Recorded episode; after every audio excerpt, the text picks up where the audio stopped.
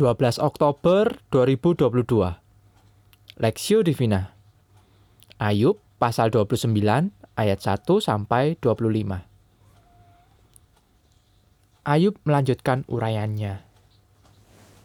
Ah kiranya aku seperti dalam bulan-bulan yang silam seperti pada hari-hari ketika Allah melindungi aku.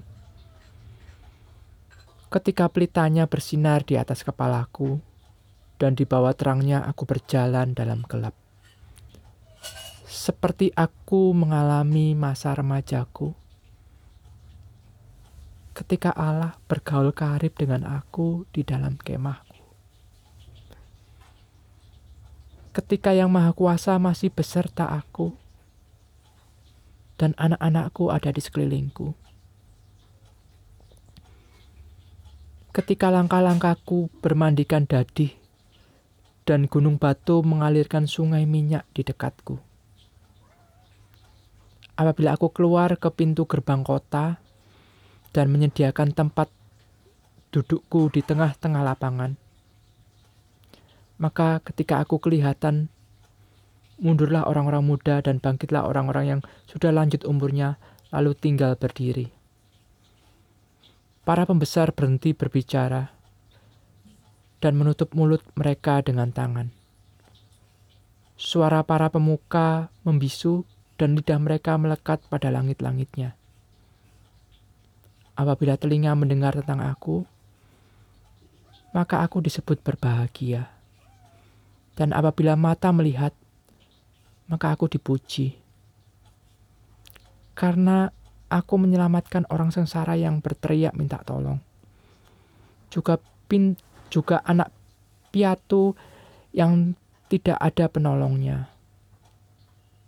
Aku mendapat ucapan berkat dari orang yang nyaris binasa. Dan hati seorang janda aku buat bersukaria. Aku berpakaian kebenaran dan keadilan menutupi aku seperti jubah dan serban. Aku menjadi mata bagi orang buta dan kaki bagi orang lumpuh.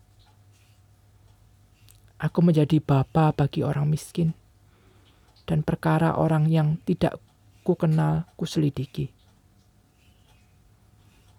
Geraham orang curang ku dan merebut mangsanya dari giginya.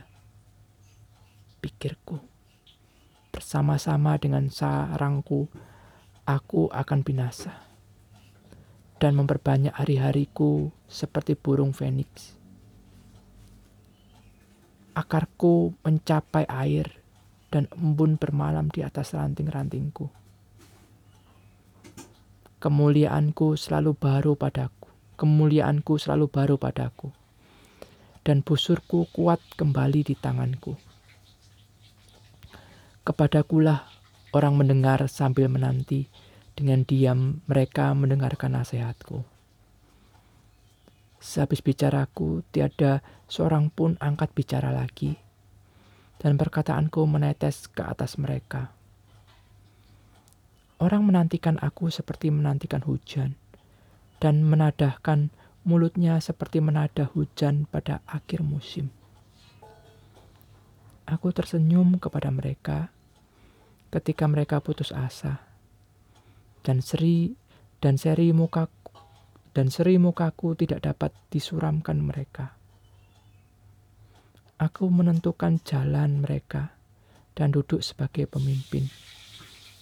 Aku bersemayam seperti raja di tengah-tengah rakyat, seperti orang yang menghibur mereka yang berkabung.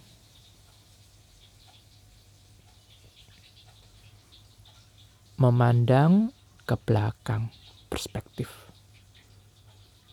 Ah kiranya aku seperti dalam bulan-bulan yang silam, seperti pada hari-hari ketika alam melindungi aku, ketika pelitanya bersinar di atas kepala, kepalaku, dan di bawah terangnya aku berjalan dalam gelap.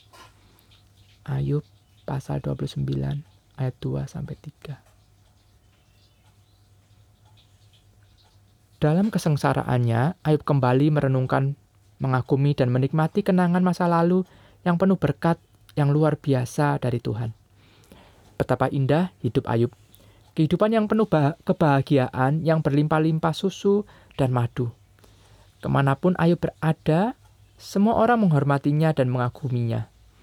Sebagai seorang pemimpin yang takut akan Tuhan, Ayub telah menjadi teladan yang baik bagi orang yang lemah, janda-janda, orang yang sakit, orang miskin, yang putus asa, dan yang jahat pun.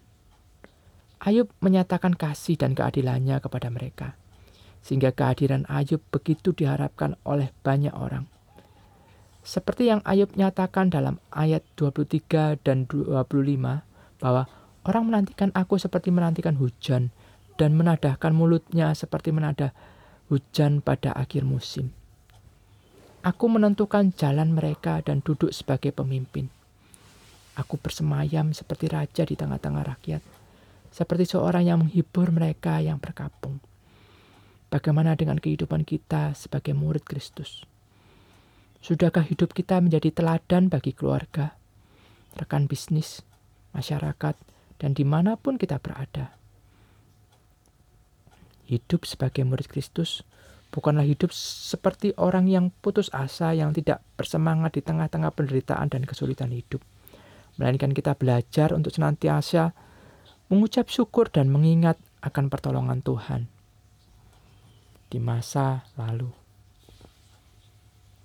Hal inilah yang memberikan kekuatan dan semangat serta keyakinan bahwa Tuhan yang kita sembah adalah Tuhan Allah yang hidup, yang tidak pernah berubah dalam kesetiaan akan janjinya.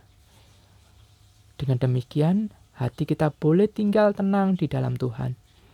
Ketika memandang ke belakang, maka kita mendapat bahwa langkah hidup Anda dan saya senantiasa dituntun oleh tangan Tuhan yang kuat dan perkasa.